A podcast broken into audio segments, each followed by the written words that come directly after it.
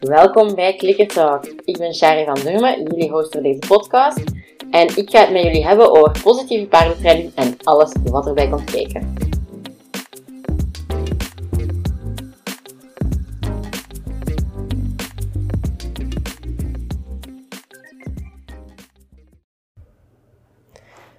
Welkom bij alweer een nieuwe aflevering van Clicker Talk. Ik ben eigenlijk heel blij dat het terug lukt om vrij consequent podcast de wereld in te sturen. Um, en dat ik daar terug genoeg energie voor heb. Dus ik ben heel blij dat het al zo'n paar weken goed aan het gaan is.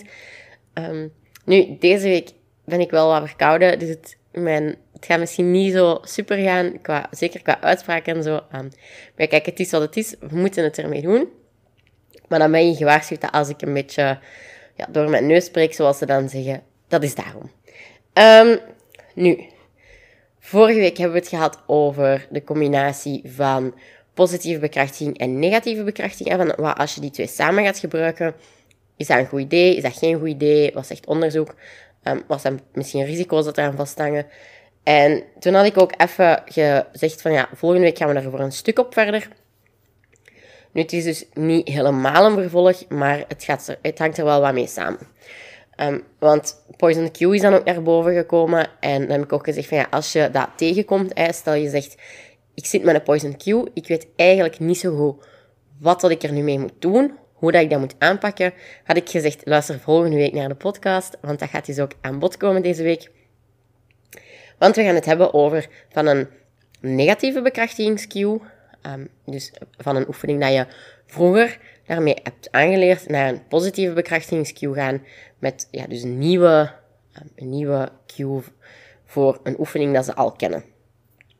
Want ik krijg dus soms die vraag van, ik heb dat gedrag vroeger aangeleerd met negatieve bekrachtiging, maar mijn cue is dus ook nog een negatieve bekrachtigingscue. Hoe kan ik daar nu een nieuwe cue op zetten? En degenen die mij al vragen hebben gesteld, die weten dat misschien. Ik ga heel vaak antwoorden met extra vragen. Dus ik ga wat bijvragen stellen, zodat ik een beter beeld krijg van de situatie. En de eerste vraag dat ik in dit geval ga stellen is, waarom wil je dat doen? Is dat omdat je zelf met een idee zit? Is dat omdat je merkt dat je paard een beetje een probleem heeft met die, met die oude cue? Het kan, kan allemaal. Um, maar wat is eigenlijk de reden dat je dat zou willen doen? Want als je paard oké is met de cue en jij bent oké met de cue, ja, zoek dan geen problemen waar dat er geen zijn. We maken het onszelf al moeilijk genoeg. Dus waarom zouden we dan nog eens het extra moeilijk gaan maken door nieuwe cues te gaan toevoegen voor dingen waar dat er eigenlijk geen problemen zijn? Um, dat kan bijvoorbeeld zijn als je paard de oude cue, als hij al genoeg gecounterconditioned is, dat, dat, paard ook helemaal geen problemen heeft met die oude cue. Um, maar dus, dat is een van de dingen. Um, nu, ik ga eigenlijk drie verschillende ja, mogelijke redenen geven um, waarom dat die vraag gesteld wordt. Of ja, drie mogelijke reacties op de cues. En we gaan telkens vertrekken vanuit zowel het paard als de mens. Want niet alleen het paard staat, is natuurlijk heel belangrijk in onze training, maar de trainer zelf ook. En het is dus ook belangrijk dat je als trainer achter je cue staat. Dus de eerste optie is eigenlijk, je geeft je oude cue en je paard is er oké mee en je zet er zelf ook oké mee. Maar ergens heb je gezegd van, oei, ik heb dat vroeger aangeleerd met negatieve bekrachtiging. Kan ik dat dan nu nog wel gebruiken? Is dat wel oké? Zou, ik daar, zou dat niet moeten van daar iets anders op te zetten? En dan is, ja, zoals ik zei, geen problemen zoeken waar dat er geen zijn. Want op het moment dat uw voornaamste reden is om te wisselen, omdat je zegt van ja, zou dat niet moeten? Je niks moet. Zolang dat jij en je paard het oké vinden, heeft eigenlijk niemand anders daar iets in te zeggen. En heeft niemand anders te beslissen welke cue dat jij gaat gebruiken voor je paard. Dus als dat je voornaamste reden is van oei, mag dat wel? En jij zit er op zich oké mee met die cue en je paard is er ook oké mee, hou het gewoon zo. Want het kan heel goed zijn dat een bepaalde cue, die vroeger wel eerder um, aversive was, dat die nu genoeg gecounterconditioned is en dat je wel een paard hebt dat volledig oké is met die nieuwe cue, uh, met die oude cue. Dus daar dan heel dat proces van die cue transfer te gaan doen, Ja, dat hoeft dan ook niet per se. Want als het oké is, is het oké. Dus waarom moeilijk doen? Hè, bijvoorbeeld als je paard achteruit gaat, op zo, bij mij was het dan zo een, een. Um, en ondertussen heeft dat zo een positieve associatie voor je paard. Ja, die heeft daar nul problemen mee. Die vertoont niks. Bijvoorbeeld vangt al meer een signalen, stresssignalen, whatever. Um, op het moment dat je cue geeft, die doet dat in vrijheid al, hè, doet hij dat ook gewoon rustig. En jij vindt dat ook een handige cue, dan kun je hem gewoon houden. Nu, wat dat ook kan, is dat je paard er oké mee is met die cue, maar jij zelf niet. Omdat dat voor jezelf wringt, dat dat nog een manier is van dingen te vragen van vroeger. En dat je zegt, ja, ik, ik voel me daar gewoon niet meer oké bij, bij die manier van werken. Dus ik wil eigenlijk zoveel mogelijk van die invloeden uit mijn training. Voor mezelf. Dat is een hele goede reden. Dus het is niet omdat je paard oké is dat je er ook oké mee moet zijn. En want wat je bijvoorbeeld kunt hebben, is dan dat je bijvoorbeeld dingen hebt aangeleerd met een... En dat dat nu een tactiele cue is geworden, maar dat dat vroeger een pressure and release was, waarbij dat je je pressure ging opbouwen. En dan kan dat zijn dat je zegt, ja, ik doe dat liever niet, omdat ik voel dat ik heel gemakkelijk ga hervallen in extra druk geven op het moment dat mijn paard niet reageert, of dat mijn paard niet snel genoeg reageert. En dus dat ik dan zelf gewoon een beetje in mijn oude patronen ga hervallen. Um, en wat dat je dan gaat doen, is dus een cue transfer. Dus je gaat eigenlijk gewoon je oude cue linken aan je nieuwe cue, zodat je paard gaat reageren op die nieuwe cue. Nu, um, wat dat je gaat doen, is eerst je nieuwe cue geven. En dan daarna je oude cue. En dan gaat je paard reageren op die oude cue. En dan gaat je daarvoor belonen. Dus bijvoorbeeld bij mij, voor het achteruitgaan, um, mijn oude cue is zo dat zwaaien. En mijn nieuwe cue is dat ik een pirouette maak, bijvoorbeeld. Dus dat ga ik doen. Ik ga een pirouette draaien. En daarna ga ik zo dat zwaaigebaartje doen. Mijn paard gaat achteruit. Ik klik, ik beloon. Niet zo ingewikkeld. Um, en uw paard gaat uiteindelijk dat patroon herkennen. Dus dat gaat uw paard doen op een bepaald moment. Gaat op het moment dat je een pirouette doet, gaat hij al een heel klein beetje naar achter. En zodra dat hij de mini, mini, mini kleinste reactie geeft van naar achter gaan, al is het maar dat hij denkt aan naar achter gaan, dat gaat je al belonen. Ook al is dat niet even goed als dat hij op de oude cue reageert, dat maakt niet uit. Dus elk beetje dat hij al in de juiste richting begint te denken tijdens uw nieuwe cue, gaat je klikken en belonen. En dan daarna eh, gaat dus die reactie op die nieuwe cue altijd beter gaan en kunt je dus ook je oude cue laten vallen en gaat je paard alleen nog achteruit gaan als je een pirouetje maakt. Of dat een handige cue is, laat ik in het midden. Ehm, maar, uiteindelijk maakt het niet uit wat dat cue is. Hè. Ehm, je kunt perfect je paard leren om daarop achteruit te gaan. Ehm, maar ja, ik zeg het, het lijkt mij niet zo handig, omdat je dan niet je paard heel goed in gaten kunt houden, omdat je aan het draaien bent. Maar zwart, dat doet er eigenlijk ook niet toe voor deze voorbeeld. Het is maar een voorbeeld. En dat is eigenlijk ook, ditzelfde werkt hè, bij achteruitgaan op zijn parellies, dat je zo gaat, u, met, met het vingertje is het daar denk ik, dat je met je vingertje gaat nee schudden bijna. Um, en als ze daar niet op reageren, gaat je zwaaien met het touw. En gaat je altijd eerst, wacht, wat heb ik geleerd vroeger? Eerst vanuit de pols, dan vanuit de elleboog, dan vanuit de schouder gaat je zwaaien. En uiteindelijk gaat je paard, oh, die, die voelt die druk, die gaat achteruit. En wat dat die doet, is eigenlijk dat patroon gaan herkennen. je gaat herkennen van, ah ja, maar als ze zachtjes zwaaien, dat is eigenlijk nog niet zo ongemakkelijk. Maar daarna komt de harde zwaaien en dat vind ik eigenlijk niet zo tof. Dus ik ga al achteruit gaan bij dat zachte zwaaien. En dan, ah, maar voor dat zachte zwaaien komt dat vingertje al. Ah ja, maar dan zal ik al maar achteruit gaan als ze met dat vingertje zwaaien. Um, want dan ontsnap ik helemaal aan al die druk. En dat is eigenlijk hetzelfde, ja, gedachteproces, om het zo te noemen, dat daarachter zit als dat we gaan gebruiken bij een cue transfer. Dus dat ze eigenlijk gewoon uw patroon gaan herkennen. Dus dat is de tweede manier. Allee, tweede, ja, dingen van wie is er oké, wie is er niet oké met de cue. En dan als laatste, het paard is niet oké met de cue en ik ga ervan uit dat de mens dan ook niet oké is met de cue. Um, dat is ja, mijn assumptie ervan. Um, ga er sowieso van uit dat iedereen op het moment dat hij voelt dat zijn paard niet oké is met een bepaalde cue, dat hij gaat zeggen, ja, nee, het is toch niet voor mij. Ik ga dat niet meer doen. Um, Maar het is natuurlijk wel de kunst om te gaan herkennen dat je paard niet oké is met de cue. Dat is natuurlijk iets helemaal anders. Maar ik ga ervan uit, op het moment dat je dat herkent, dat je dat ook gaat willen aanpakken en die cue niet meer gaat willen gebruiken. Nu, daar is het eigenlijk niet zo simpel als gewoon een nieuwe cue eraan vastplakken.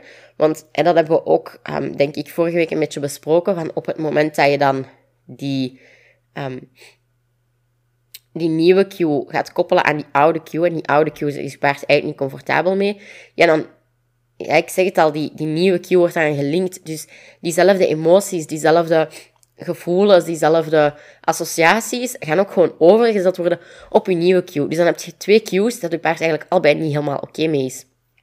Dus gewoon een cue transfer gaat eigenlijk niet de oplossing zijn, omdat je in dezelfde situatie gaat blijven, maar met een groter aantal cues voor hetzelfde gedrag. Ja, daar zet je dus niet zoveel mee. Dus wat dat hier eigenlijk de oplossing is, op het moment dat je paard niet oké is met een cue, is dat je eigenlijk gaat je het gedrag terug vanaf nul moeten aanleren. En gaat je echt gewoon je paard opnieuw heel dat gedrag moeten aanleren, alsof dat hij het nog niet kent, eigenlijk. Nu, bij bijvoorbeeld achteruit gaan zou ik kunnen zeggen, ja, ik heb dat vroeger met dat zwaaien gedaan, maar ja, dat is niet meer echt mijn stijl nu. Hoe ga ik dat nu doen? Hè? Dus dan moet je ook echt op zoek gaan naar een hele manier van dat, nieuwe manier van dat aan te pakken. Bijvoorbeeld door je paard achteruit te laten gaan vanuit targeten, vanuit um, voedsel volgen, vanuit een start target. En dat je dan op een voice cue zet. En dan kun je daarna wel die voice cue gaan via cue transfer gaan overzetten naar een andere cue dat je geeft als je voor je paard staat. Um, dus dat gaat allemaal. En je kunt dan nadien wel die uh, cue ook um, gaan overzetten maar dat is, ja, dat is gewoon niet waar dat je altijd gaat beginnen. Dus je moet eerst gaan nadenken, hoe ga ik dat dan aanleren? Maar wat dat je ook moet doen voordat je begint, is gaan nadenken over wat wil ik dat mijn uiteindelijke cue is. Wil ik dat dat een vocale cue is? Wil ik dat dat een tactiele cue is? Wil ik dat dat een gebaar is? Maakt eigenlijk allemaal niet uit u, zoals ik daarnet al zei, uw cue kan alles zijn. En probeer wel ervoor te zorgen dat er genoeg onderscheid is tussen uw nieuwe cue en uw oude cue. Dus als uw vorige cue bijvoorbeeld met uw linkerhand zo een zwaaigebaar doen, ja, gaat dat nu met uw rechterhand doen. Dat gaat waarschijnlijk geen oplossing zijn.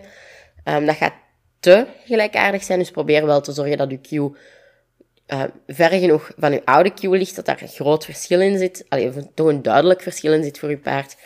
Um, maar het is dus heel belangrijk om daar op voorhand te gaan over nadenken. Want meestal gaan uw cues gevormd worden uit uw shapingproces. En bijvoorbeeld, ik leer paarden vaak achteruit gaan vanuit het eten volgen. Van helemaal in het begin, de eerste stappen met klikkertraining.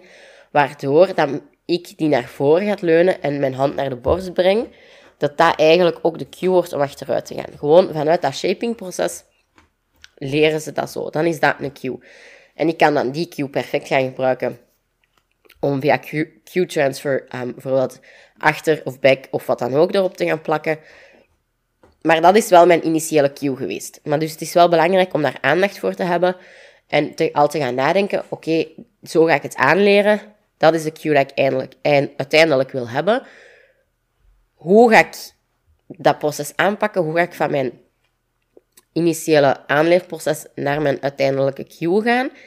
En kan ik dat misschien ook al meenemen in het shapingproces? Hè? Dat je dat eigenlijk, hoe beter voorbereid dat je dat gaat doen, ehm, of dat je dat gaat aanpakken op voorhand, hè, dat je daar echt al mee bezig bent geweest, hoe vlotter dat je training gaat. Want als je niet te goed nadenkt over um, je cues, wat dat je dan bijvoorbeeld ziet, is dat paarden gaan leren om hun hoofd naar beneden te brengen. En dat ze uiteindelijk bij elke beweging van een hand in de buurt van hun hoofd, hun hoofd naar beneden brengen. Hetzelfde met neeschudden of um, met stijgeren is dat iets wat dat heel vaak ook gezegd wordt van zorg dat je een goed, duidelijk, um, duidelijk uh, ja, herkenbare cue hebt. Dat je niet gewoon met één hand omhoog wijst, want dan gaan ze misschien elke keer stijgeren zodra je iets met je handen doet. En dat heeft natuurlijk ook voor een groot stuk te maken met stimuluscontrole. Maar toch, als je daar op voorhand over nadenkt, maakt je eigenlijk de kans al kleiner dat je daar problemen mee gaat tegenkomen. Dus zeker, denk daar gewoon echt goed over na op voorhand. Welke cue dat je wilt en hoe dat je die cue er gaat opzetten. Als die niet heel logisch vanuit het shapingproces uit, zoals bijna die, borst naar de, ehm, die hand naar de borst brengen, ehm, als dat niet heel logisch vanuit dat shapingproces gaat voortvloeien. En eigenlijk hier, hè, deze ja, aanpak, is natuurlijk nog heel breed. Hè, gewoon opnieuw aanleren. Een echte aanpak kun je dat niet noemen. Ehm, maar dat is bij poison cues eigenlijk hetzelfde. Want als je cue poisoned is, en je gaat dan gewoon via Q-transfer transfer werken, dan ja, wordt je nieuwe Q ook gepoisoned. Dus daarom moet je eigenlijk gewoon je gedrag opnieuw gaan aanleren en terug vanaf nul beginnen bij een poison Q. Um, om te gaan voorkomen dat je nieuwe Q, dat je daar dus eigenlijk in dezelfde situatie gaat belanden. Dus dat was het eigenlijk al. Zoals ik zei, een beetje een korte aflevering. Um, of ja, ik weet al niet meer of ik het gezegd heb. Het was wel de bedoeling om het te zeggen, alleszins. Um, maar is niet zo veel dat ik daarover kan zeggen. Nu, even als recap. Er zijn eigenlijk drie opties. Oftewel is je paard oké met de oude queue en jij ook. En dan kun je perfect je queue gewoon laten zoals dat die is. Je moet die niet gaan aanpassen voor iemand anders of voor de mening van een ander. De tweede optie is, is je paard is er eigenlijk wel oké mee, maar jij zelf niet. Doordat je zelf bijvoorbeeld gemakkelijk in oude patronen gaat hervallen. Um, en dan kun je gewoon een Q-transfer gaan toepassen door je oude Q en je nieuwe Q te combineren. En als laatste is het, um, je paard is er niet oké mee, dus jij waarschijnlijk ook niet. En dat je dan dus gewoon ja, helemaal vanaf nul gaat beginnen en het gedrag opnieuw gaat aanleren. Voilà, dat was in het kort de de aflevering over van een negatieve bekrachtigingscue naar een positieve bekrachtigingscue gaan. Um, als je zegt, oké, ik, wil ik wil echt wel mee aan de slag gaan en ik ga mijn paard terug vanaf nul dingen aanleren, maar ik vind dat nog moeilijk om echt zo gericht te gaan nadenken over die trainingen op voorhand, dan kun je mijn trainingsplan template um, downloaden. Dat is gewoon gratis. Krijg je dat toegestuurd in je e-mail. En dan kun je daar je trainingsplannen in gaan maken. Um, en dat kan u wel helpen om wat gerichter te gaan nadenken over je training en hoe dat je dat allemaal kunt gaan uitwerken. Dat je daar op het moment zelf niet zo staat van oei, wat nu? Hoe ga ik deze nu aanpakken? Dat je echt op voorhand gaat nadenken over mogelijke situaties dat kunnen gebeuren en zo. En uiteraard ook op voorhand gaat nadenken over je cue.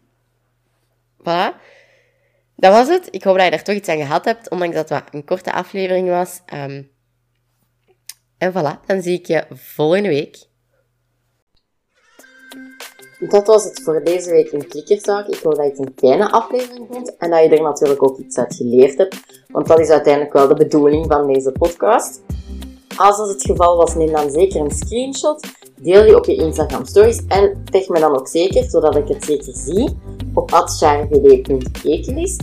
Heb je nog vragen of eventueel onderwerpen of personen die ik in de toekomst zeker nog aan bod moet laten komen, mag je mij dat ook altijd laten weten, zowel via Instagram als op mijn e-mailadres shari.klikkertraining.be. Tot volgende week!